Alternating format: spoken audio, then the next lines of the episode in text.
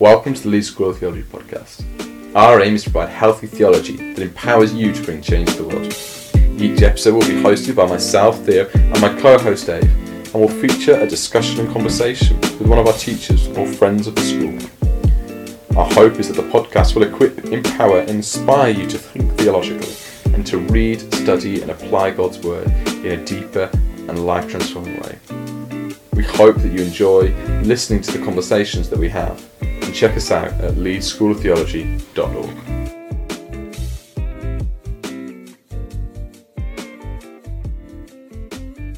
Hello, everyone. Welcome to um, another Leeds School of Theology podcast.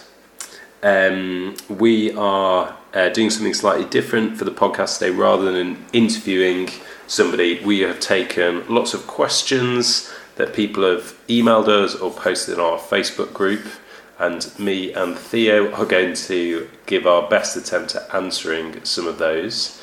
Um, we just wanted to say we're recording this um, in the midst of uh, the coronavirus um, outbreak. we just wanted to say we're praying for you guys, praying that you stay safe, praying that you stay healthy. Please do follow all the government's instructions. And we pray that um, just in the midst of uh, everything that's happening, that your relationship with God provides you peace and comfort and strength. And I suppose our hope is this podcast provides you maybe a little bit of light relief from all the seriousness that's going on, but also just keeps you thinking about stuff theologically and um, yeah, keeps you delving into scripture and asking those big questions. It's important to remember the coronavirus is going to end life will go back to some kind of normality, and so um, even at the moment, life seems can seem a bit purposeless because everything's shut down and you can't see anyone. Actually, we are we're still called to be the people of God in that situation, and we will life will return back to normal. So you know, keep keep investing in your relationship with God during the season, and try and keep good routines, healthy routines in place. Yeah. My one is um, hello Theo here. Um, my one that I trying to be really traditional. It's something I like to do anyway, but really felt important in this season is that I pray before, in the morning before I read BBC News.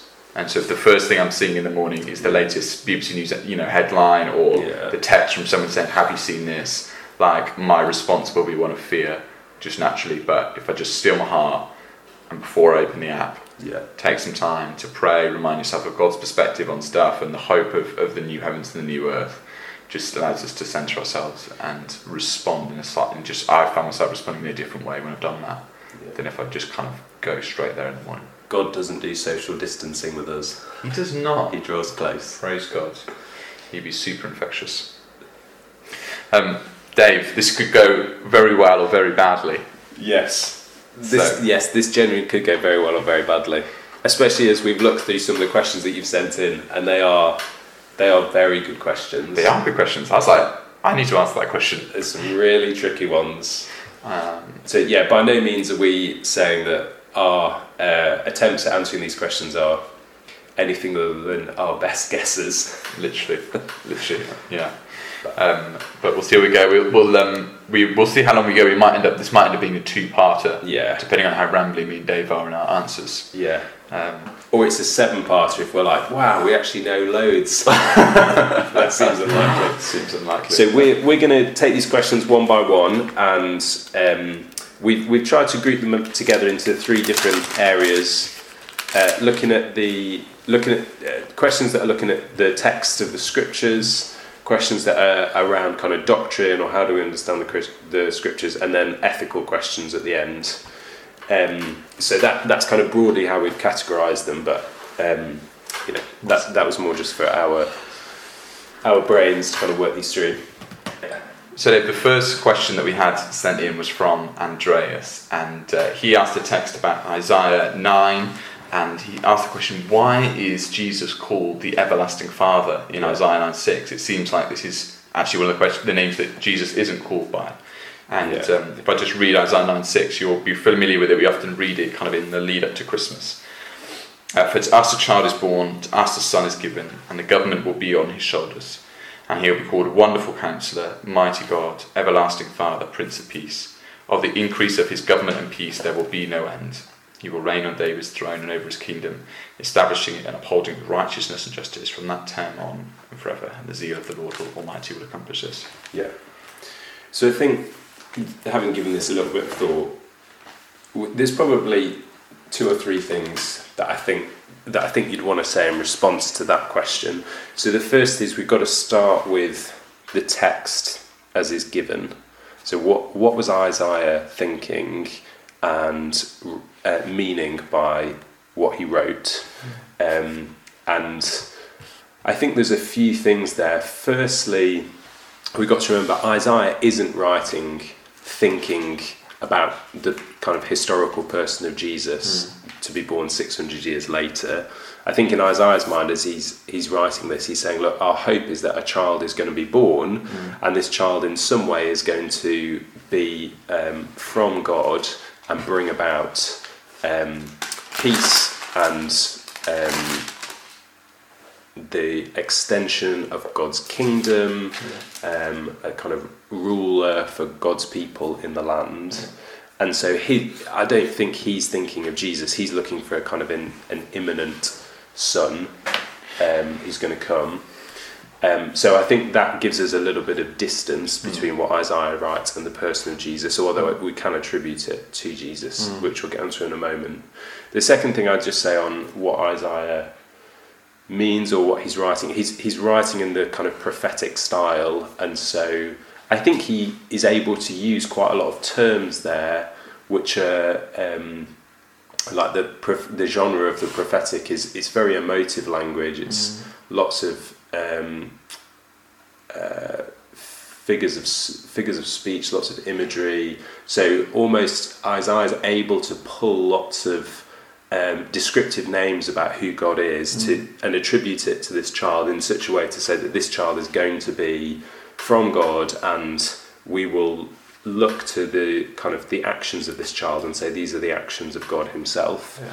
But that doesn't necessarily mean that he's saying Jesus born in 600 years time is the everlasting Father, mm. as we kind of would understand Trinitarian mm. theology today. So there is first thing I'd say is there's a little bit of distance, and so we've got to be careful about what we pick up from the passage and drop onto Jesus and say this this is all of these words are attributed to him rather than this passage ultimately finds its fulfillment in Jesus, but therefore Jesus can change that's some right. of what that passage means. That's right. Theo's going to add something to that. Well, I think that's the, the tension that you're always in when you're reading Old Testament literature and when you're reading prophecy, probably in particular, is you're trying to do two things at once. You're both reading, kind of wanting to read in the original context and say, okay, well, this is about the judgment of Assyria, um, uh, the judgment of God through the nation of Assyria on Israel, and Isaiah speaking into that context as a prophet for his time. So you're saying, I want to stay in the context, but you also you've got you cannot and you should not, as Christians, read scripture without what it means to read Christologically and to read through the lens of Jesus is also and to read canonically is also to then say, okay, well how how do we read this in light of Jesus? And so you're always, as you come to Old Testament literature, yeah. you're wanting to do both of those things at once. And so um, I think probably what what is Isaiah meaning when he's talking about this? Well, he's talking about the, the hope of the hope of Yahweh uh, to to care for His people. So um, Isaiah starts with Isaiah 1, um, right at the start, the first prophecy in Isaiah. Um, Hear, O heavens, listen, O earth, for the Lord has spoken. I reared children and brought them up, but they have rebelled against me. Israel does not know, my people do not understand. Right? Forsaking the Lord, they have spurned the Holy Ones of Israel. So there's a sense in which, right from the start of Isaiah, Isaiah is talking about his relation, God's relationship with his people as like a father to a son and the, son, the care, the son who he has cared for, who has nurtured, and yet has rebelled against him. And so we there's so this is kind of then you have uh, the Isaiah's calling, and then the the judge the kind of the prophet the prophecies of judgment on is on Israel that in um, Isaiah uh, eight four that the, the, the plunder will be carried off by the kings of Assyria, and yet there's also this hope that in the midst of this there will be hope and there will be um, there will be hope to come. And, and that's where this context comes from. So I think what it's saying is um, Yahweh, Yahweh is saying, Look, I will continue to be, I will send one who will be. a, a, a wonderful counselor, a mighty God, everlasting Father, Prince of Peace. All of those things that are Yahweh. That is what Yahweh is. He's a counselor, he's mighty, he's a, a, father that cares for his people, and is everlasting. He's consistent in his care, and he will bring peace. Kind of the ultimate king and ruler. He's saying this will be what you, what who Jesus is mm. for you. And so I don't. He's not. He's not kind of trying to unpick some Trinitarian Father, Son, and Holy Spirit, but instead he's saying, God, Yahweh, I will, I will I, Yahweh will come to you and will be with you, and all of those things that that, that He is both King and Father. Mm. He will send to you. Yeah, and I think the last thing I'd add is um, Isaiah nine is um, quoted in Matthew four at the beginning of Jesus's ministry um, but it's only um, kind of the big, the nearer the beginning section of Isaiah 9 that's quoted. Jesus says, um, or Matthew uh, 4:12 says, when Jesus heard that John had been put in prison, he withdrew to Gal- Galilee. Leaving, leaving Nazareth, he went and lived in Capernaum, which is by the lake in the area of Zebulun and Naphtali, to fulfill what was said through the prophet Isaiah land of Zebulun and land of Naphtali, the way of the sea, beyond the Jordan, Galilee of the Gentiles. The people living in darkness have seen a great light. On those living in the land of the shadow of death, a light has dawned. And then it, that's the quote, and then it draws back out from that time when Jesus began to preach, Repent, for the kingdom of heaven has come near. So it's almost as though Matthew is saying, look, that prophecy from Isaiah 9, that mm. kind of light in the darkness. And that kingdom. And that kingdom is Jesus. Yeah. Now, what Isaiah spoke about in terms of a child is born, a son is given, the government will be on his shoulders, he'll be called Everlasting Father, it's almost like now you're going to see the fulfillment of this prophecy mm. through the person of Jesus, and Jesus is going to most fully and clearly display to us what the light and the darkness looks like, right. what the kingdom of God looks like, and, and the names of God. Mm. We most clearly see them through the lens of Jesus. So there's also this this question of how does the Old Test, uh, sorry, how does the New Testament quote and yeah. use the Old Testament? And and what you see is New Testament writers feel quite a bit of liberty, I think, to take Old Testament texts and to re- reinterpret them in the light of Jesus in such a way that they're saying, look, actually, this Old Testament text, it was pointing forward to this moment, mm. but in light of this moment, we can understand this text in a, in a new way, in a fresh way. It doesn't mean the Old Testament text was wrong, that's the wrong category mm. to say what it is, but it does say now we have fresh data, as it were, so we That's can right. understand what Isaiah was pointing forward to. Yeah. So while Isaiah was going, this, this child is going to be mighty God, wonderful counselor, everlasting Father, Matthew said, well, this, this child is Jesus, right. and he is, he is God with us. But as we understand more of who God is, we see Father, Son, and Spirit, and so Jesus isn't the everlasting Father, but he is one with the everlasting Father. Yeah. Um, so Isaiah was, you know, yeah, and that's the same when you come towards the end of Isaiah. There's the kind of what's known as the servant songs, and yeah. you, as you read the servant songs, even if you read them without Jesus, you see, well, who is the servant? Because sometimes it seems like the servant is kind of a king, an individual. Other times it seems like the servant is kind of the whole nation of Israel. Yeah. And it, it feels like, well, who is this servant? And, and, the son of Isaiah 9 and the servant of 53 aren't necessarily connected in Isaiah. No. But they are connected in the person of Jesus. Yeah. And they are connected, yeah, yeah. And they yeah. And so there's kind of, that's what you're doing when you're reading prophetic literature, is, especially as you're saying, okay, well, what, what is the original context? How do I understand what Isaiah would have meant? And then also asking, how do I how do I understand this in the light of Jesus? And if you yeah. kind of do one without the other, you end up in slightly quirky places. Yeah, definitely. So, yeah. so great question. That question. one uh, took us like I don't know 10, 15 minutes to answer. So we're definitely on to two podcasts. definitely. So okay, the next question that we got sent through is a bit of a longer question, but it's it's basically to do with the authority of God, uh, the authority of Jesus, the authority that He gives us, and um, the authority that Satan or the prince of this world has. Mm. So I'm gonna I'm gonna summarize this question a little bit because it's quite long. But basically, in Matthew 28, Jesus says, "All authority in heaven and earth has been given to me." And he also teaches us in what we know as the Lord's Prayer, Your kingdom come, your will be done on earth as it is in heaven. Um, and the question kind of says this suggests that maybe the kingdom or the authority exists in heaven in a way that it doesn't on earth. Um, then that Satan is called the prince of this world, and in Revelation it says the kingdom of the world has become the kingdom of our Lord and His Christ. I, Uh, and so, uh, are we are we seeing two distinct kingdoms now? Um, But Jesus uh, is saying, "I have all authority." Yet there seems to be this uh, dialogue that um, right now all authority isn't Jesus's. That the Satan is the prince of this world. That he has some authority. So, uh, but Jesus is saying to his disciples, "Go, go and make disciples." based on the authority of Jesus. So how do, how do we understand all of these different kind of languages of authority and kind of the role and the reign of Jesus? What authority do we have as disciples, but also what role does Satan have? And in you know, I'm thinking of Second Corinthians four four, where it says, you know, the God of this age has blinded the minds of Yeah. unbelievers. And I think you know we're into some really interesting territory there, not just on how we understand Jesus' words, but how we understand Satan and who is he and how does Scripture best understand um, uh, his kind of role. And I think um, I think there are the, the kind of the major thing that I would say is all authority is God's That's right. any authority any other being has, whether it be us or an angel or Satan, um, is is delegated authority. You uh, you only can receive authority if the one who holds the authority has in some way decided to delegate that or give that away. Um, and so I think uh, we can be confident that you know the the sovereign over the universe, the singular king over the universe, is King Jesus. All authority is his. Um, but what you see in Matthew 28, and when and actually in his ministry, when he sends out his disciples, God is in the habit of giving authority away. God is in the in the habit of empowering other people, and so the disciples are empowered with the authority of God to go and bring God's rule and God's reign. Hmm. You know, Genesis one is we're made in the image of God. The, the, the you know the Creator says to His creation, "You are my image bearers. You're the ones who are meant to go and fill fill the world."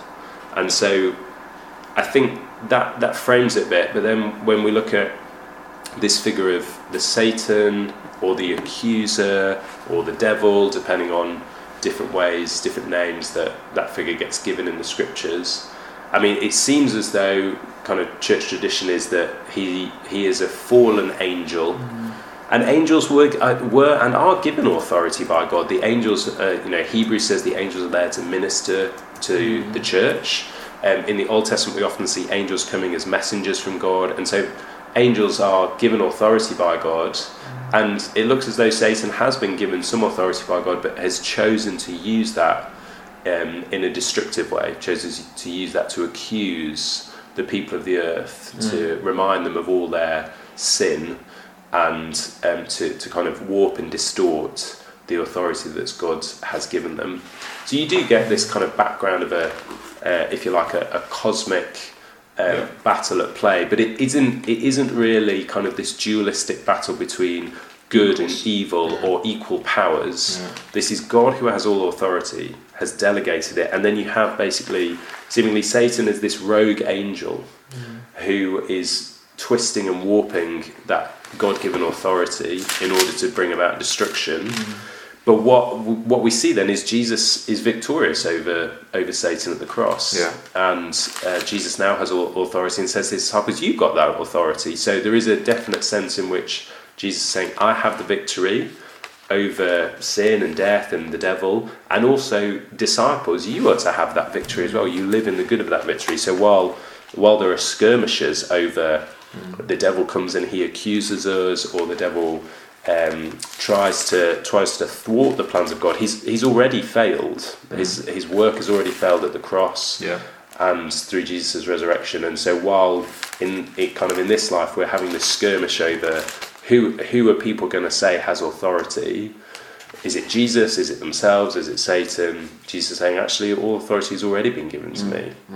I think that that's kind of how I would view those three things. I don't know if you would add anything. No, no nothing really. I, I think yeah. Ultimate supremacy, ultimate authority is God's. I think there's a sense. I wonder if there's a sense, and uh, I think Tom Wright talks about this a little bit, where he talks about how kind of are we part of our God-given what it means to be image bearers is to be given authority and a vocation to care and, and, and to rule and to rule. Mm. And we, in some ways, through our complicity with sin, Yeah. have given away some of our power away to the powers of darkness. Yeah. And we kind of, in, in, in failing to fulfill our kind of God given vocation, I'm not sure you would quite use this language, but almost like there's a power vacuum, and that into that, into that, into the world steps the powers of darkness to have Yeah. authority. Um, I was just looking at um, John 12. I preached on it this week, so it kind of is Fresh. it's, it's fresh. And um, but in that, he's um, Jesus is talking about um, uh, kind of the, the work on the cross, and he says, "Now is the time for judgment on this world. Now the prince of this world will be driven out." And so there's a sense in which at the cross, um, the kind of yeah, the prince of this world, who has power and authority in this age, has lost. Uh, and a kind of a Colossians two uh, two fifteen, the you know Jesus disarmed the powers and authorities, Yeah. making a public spectacle and triumphing over them by the cross. And so we live in the we live in the, the kind of that eschatological tension between the cross and the, and the consummation of the new creation. And while we wait, we kind of see the remnants of Yeah. the, the devil's authority and the powers of darkness. And we, as kind of as sinful humans, are still complicit in giving that power away Yeah. and allowing pa- the powers of darkness to kind of have their way in the world. And so that's kind of what it means to I think for, for us to engage in spiritual warfare is to say no, like we will no, like we will exercise our God-given vocation that Jesus has delegated authority to us, and that's a huge responsibility. Yeah. Delegated authority to us to, to, to fight against the powers of darkness, uh, Yeah. and um, and that's what we're to do between and awaiting the, the full consummation of the victory which has been won at the cross. Yeah, I agree with all of that. I think um, Hebrews 2 actually speaks quite a lot into this question of these uh, how, do, how do we understand this, um, the authority that Jesus has, we have. And Hebrews 2, starting with verse 5, says, It is not to angels that he has subjected the world to come about which we are speaking, but there is a place where someone has testified, and they're quoting Psalm 8 here. What is, what is humanity that you're mindful of them, a son of man that you care for him? You made uh, them a little lower than the angels, you, or God, depending on your translation of Elohim. You crown them with glory and honor, put everything under their feet. So there it's speaking of um, God has created humanity to rule and reign over creation. But then verse 8, it says, In putting everything under them, God left nothing that is not subject to them. Yet at present, we do not see everything subject to them. So God made humanity as image bearers to have authority over the creation. But what we see because of sin is that humanity currently doesn't fully reflect having authority over creation. But then in verse 9 of Hebrews 2, it says, But we do see Jesus who was made lower than the angels for a little while, now crowned with glory and honor hmm. because he suffered death, so that the, by the grace of God he might taste death for everyone. So we see Jesus has come as perfect humanity. He has lived, if you like, the, the life that Adam was meant to live, that we were meant to live but haven't. He's now crowned with glory and honor. He now reigns with all authority. He's risen humanity, raising with all authority over heavens and earth. And then just a little bit later in verse um, 14, it says, Since the children have flesh and blood, so since humanity has flesh and blood, he, Jesus, too, shared in their humanity, so that by his death he might break the power of him who holds the power of death, that is the devil, and free those who all their lives were held in slavery by the fear of death. So again, you see that um, what Theo was talking about there, kind of the now of not yet, that in Jesus' death and resurrection, he's broken the power of the devil. That that's over. His his authority, if, as it were, is gone. But we are awaiting the day when we see Jesus return and we see the new heavens and the new earth. We see the new creation, but also we experience what it's like to rule and reign over creation as we were intended to from Genesis 1. So, at best, while Satan can um, be mischievous, be destructive, mm. he, he has already lost and his power has already gone. His ability to accuse God's saints is over. Hmm. And Hebrews is actually a really good book to read on all of this. I mean, he, in Hebrews 10, God says, I will remember your sins no more. So when Satan comes and accuses us and says, You've done this, this, this, and this, hmm. when we confess our sins to God, he says, I don't remember them. I've chosen to forget them. So great is the victory of Jesus hmm. that even Satan's ability to accuse us, that's been totally disarmed because hmm. God's chosen to remember our sins no more. Hmm. So, in some sense, we, we look to Jesus' victory in, in all elements of that. That's right. The vaccine has been created at the cross and is being rolled out until the new creation. There you go. There we are. Okay, third question, and uh, this one's about it's again it's kind of around Jesus. What when Jesus did miracles, did he do them as the Son of God or in the power of the Holy Spirit? And so I guess there's the question. The question behind that is, you mm. know, does is when Jesus is doing his miracles, is he kind of unique in those because he's Yeah. the Son of God and so he's different from us, or is he just kind of like a Holy Spirit empowered Yeah. human? In which Yeah, case, we too, if we have the gift of the Holy Spirit, does that mean that we can do the same? That Yeah, so I think you, we, we want to hold on to the kind of historic confession of the church that Jesus is fully God and fully man. And so Jesus is not just a man who's full of the Holy Spirit. He, mm. like, as, Yeah. as we might be, he is fully God. And so, like, the, the theological word for that is to do with his ontology, his nature of being. Jesus is different to you or I because he is still fully the Son of God, even while he is fully, Fully man. man. And so when we look to Jesus, we we have so many areas and crossovers of similarity because he's fully human as we are fully human. Hmm. And as you know, as the second member of the Trinity, he is intimately in relationship with the Holy Spirit and full of the Holy Spirit as we are. Hmm. But he is the Son of God and we are not the Son of God. that's true. And so I would caution against saying he's just a man who's full of the Spirit, the same as us, therefore we do exactly the same things as him. Yeah. Having said that, I think Jesus is displaying to us perfected humanity as well as displaying to us God incarnate. So when we look to Jesus, we do see humanity as humanity is meant to live. And so when Jesus is performing miracles of healing or miraculous provision of food or raising of the dead, I do think we're seeing both God incarnate in action, but we're also seeing perfected humanity full of the Holy Spirit. And so I think we should have an expectancy as Christians who are full of the Holy Spirit and who have been given authority by Jesus that we can see miracles. We can pray for healing and expect healing. We can um, pray for miraculous provision of food and, and, and expect that. Um, we, you know, we should expect to see God at work in those miraculous ways. But I think at the same time, we also need to recognise a couple of other things. One is we're living in that now, but not yet. And so sometimes we do see miracles and sometimes we don't. And that's kind of one of those big questions that we've never quite got. We're never going to have the answer to in this life. Why does God heal some people and not others? Why do sometimes when I pray for healing, I see it, and other times I pray for it and I don't.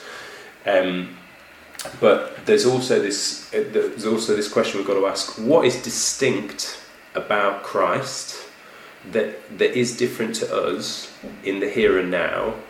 So one day in the new heavens and the new earth, when I'm raised and I stand face to face with Jesus, both in one John it says I will be like him, and in uh, I think it's I think it's Second Peter, but don't quote me on it, where Peter says we'll participate in the divine nature. I think there's a hint there that actually we will be more like um, more like God than we realise. We will have greater similarities with the God man Jesus who has been raised than we realise. But right now, I think some of those similarities aren't there. We are still very much human, although we're filled with the Holy Spirit. And so that I I think though that would be the main things I'd want to say in response to that. And Theo, would you? Yeah, and that's helpful. So I think if, what, if I'm hearing you right, there's almost a there's a question, like almost a pastoral question that you're answering. So if I come to you, Dave, and say, Dave, Jesus seems to do all these miracles. Yeah. Um, I think I'm, I'm supposed to be like Jesus. Like, why aren't I seeing all these miracles happen? Yeah. Your response is one of, okay, well, we're also living in the now. Like, yeah, Jesus is ontologically different from you, and there's, there's it's almost a sense in which you're wanting to say it's a you know a reassurance. You're not you're not Jesus, Theo. Don't worry. But then if I I come to- always want to tell you you're not Jesus, Jesus. yeah, it's always helpful to sometimes remind me. But it, it, in the kind of the other way, if I come and say, look, look, what, I read all these stories about Jesus and he does all these ridiculous healings, and I could never do any of them. I'm not Yeah, Jesus. yeah, like yeah. that's just it's just it, and feel defeated. Then you're just which is saying, she just shows us what life, fully intimate with God, fully connected with Him, and, and, and fully connected and, and intimate with the with the with the, the person, the Holy Spirit. He shows us what the full human life can look Yes. like, and so you have authority as a co-heir with Him Yes. and the gift of his of the Holy Spirit to be with you and authority to go and, and be and to live a life. Yeah, faith filled expectation that we'll see miracles, and also realism of the now but not yet, and and the difference between us and Jesus. So as ever. It's attention. It's It's attention. attention. It's a debate. Yeah. I think some people also point to the baptism of Jesus and say, well, this is the point that Jesus receives the Holy Spirit. It- almost like Jesus has his own kind of mini conversion. Mm. That is his baptism. He, he that's the point where he becomes kind of Jesus, the miracle worker, and receiving the Spirit. And that's like us. We're baptized and we receive the Spirit. I think I think the, the parallels that you can overdo the parallels there. I think Jesus born, uh, Jesus incarnate is is always one with the Spirit. Uh, his baptism and his receiving of the Spirit. I think in some ways that's more for us than it is for him. Um, it, it's I think it's a moment of divine declaration over him that he, if like, he is the son and the father is well pleased with him, and that's the beginning of his ministry. But I don't think that's the point only where Jesus receives the Spirit as though he hadn't received the Spirit before. Good. I don't know, that might be heretical. Maybe. Maybe. I always feel like with Trinity, say less. Uh, say less is more. Less is. Just, re- just read the Athanasian Creed and be done with it. I'm out. Um, Dave, well, listeners, thank you. Um, that's just been a little bit of a glimpse into probably Yeah. mine and Dave's friendship. That's pretty much what we do if we weren't recording a podcast. Is uh, is, is think about those questions. So um, uh, sad, sad friendship. sad, sad friendship. But um, that's probably enough. Um, we'll come back uh, and we'll be back. We'll release the other one a little bit later, but uh, for part two. So if your question hasn't been answered, It will be. we will be. Maybe even in part three, if unless we can do something a bit more succinctly. Yeah. Um, have a blessed week. Um, for those of you who are uh, feeling ill or um, unwell, we just pray uh, for uh, for protection and healing Yeah. for you in the name of Jesus. Yeah. We pray as the as people empowered by the Holy Spirit. We pray healing for you. yeah. Uh, but and uh, also, if you are feeling anxious or scared, uh, we pray for the gift of peace Yeah. um, for you. And we will be back soon with some more questions and more rambly answers. See you then.